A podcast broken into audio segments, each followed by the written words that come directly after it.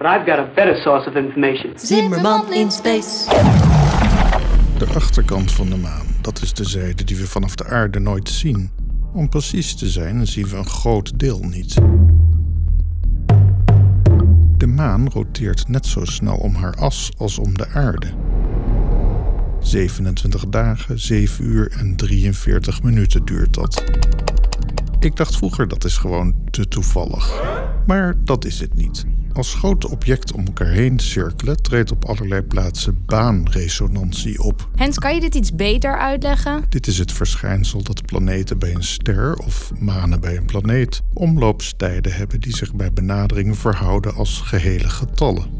In het geval van onze maan verhouden omlooptijd rond de as en rond de aarde zich als 1 staat tot 1. Maar dat is niet het hele verhaal.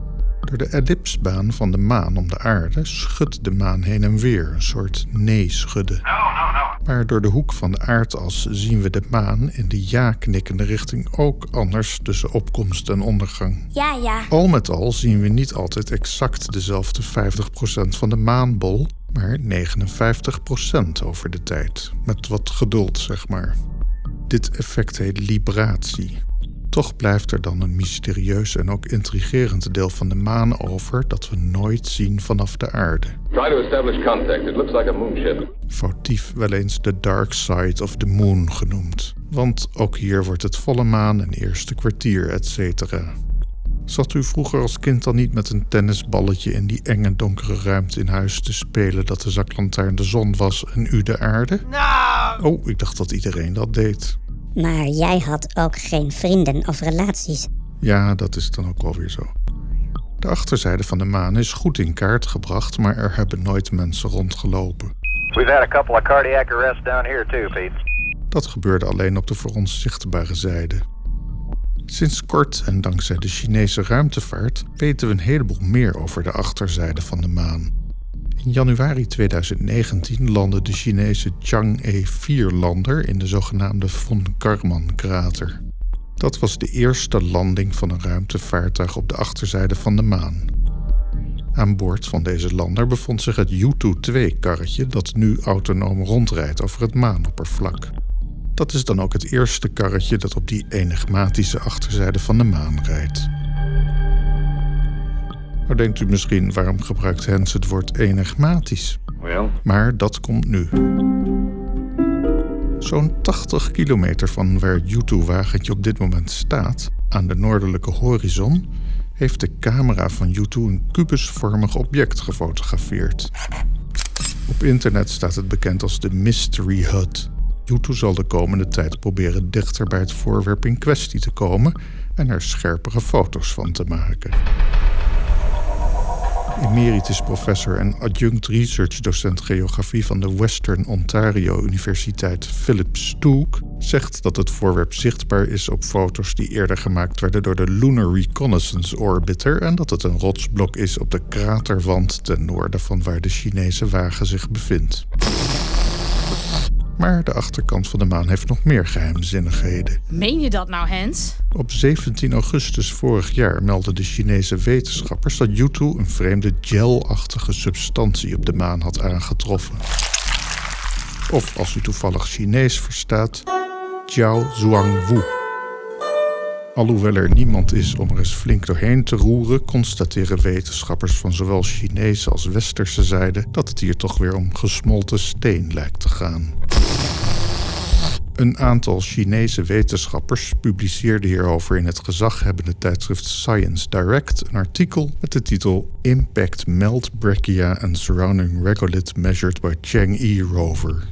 Hierin beschrijven zij dat de gelachtige structuur het beste te verklaren valt met het smelten van gesteente na een inslag van een meteoriet, wat ook wel impact brachia genoemd wordt.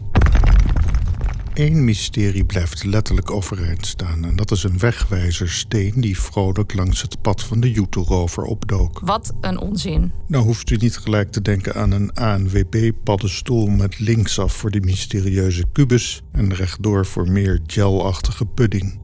Nee, nee, nee, het ding lijkt alleen maar een beetje op een wegwijzer. Het vreemde eraan is dat deze rots uitsteekt boven een verder vrij vlak oppervlak. En dat grote delen van de maan zo glad zijn, komt omdat er op 12 Amerikanen na nooit iemand komt.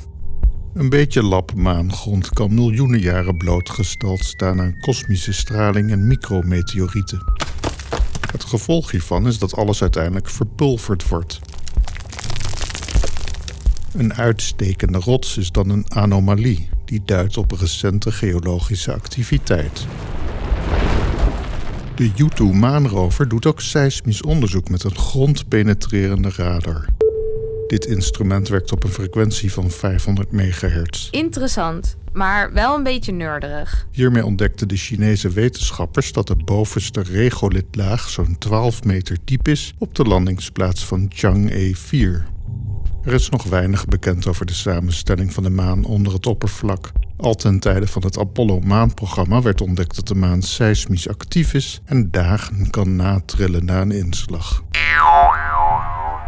Dus vanuit wetenschappelijk oogpunt is het super interessant dat de Chinese ruimtevaart hier nieuwe inzichten over oplevert. In februari 2020 publiceerden de wetenschappers Li, Su en collega's hierover een artikel in Science Advances met de titel The Moon's Far Side Shallow Subsurface Structure Unveiled by Chang'e 4's Lunar Penetrating Radar. Tuurlijk. Om verzamelde gegevens van de achterzijde van de maan terug op aarde te krijgen, draait er een satelliet rondjes in het L2 Lagrange-punt van het aarde-maanstelsel. Deze satelliet heet Kekiao en dient als relesstation tussen Chang'e 4 en de aarde. Immers, de maan is een barrière voor radiosignalen. Mankind.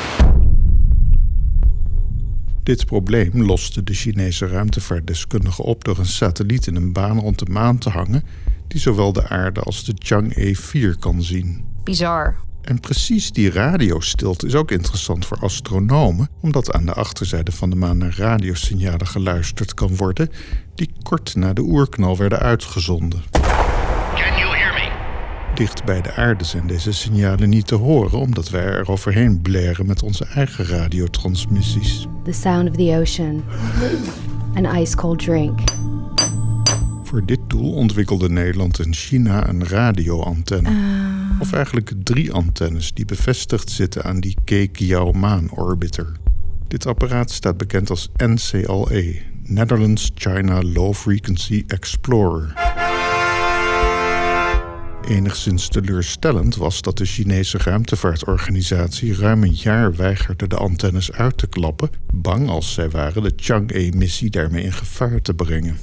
Maar inmiddels is het instrument werkend en kan waarneemtijd gebruikt worden door radiosterrenkundigen. Er is hoop dat de Chinezen de baan van de Kekiao-satelliet nog wat zullen bijstellen, zodat deze op nog stillere plaatsen komt voor wat betreft aardse radiostoringen. Dat zegt Heino Valken, die eerder in aflevering 149 van deze podcastreeks te horen was. Maar genoeg sigaren uit eigen doos. NPO Radio 1 publiceert ook de geweldige meerdelige podcast De Man aan de Maan, waarin u hoort hoe wetenschapper Mark Klein-Wolt van de ene verbazing naar de volgende teleurstelling gaat in de samenwerking met China om het NCLE-instrument te verwezenlijken. U vindt ook deze podcast in uw favoriete podcast-app. Tot volgende keer.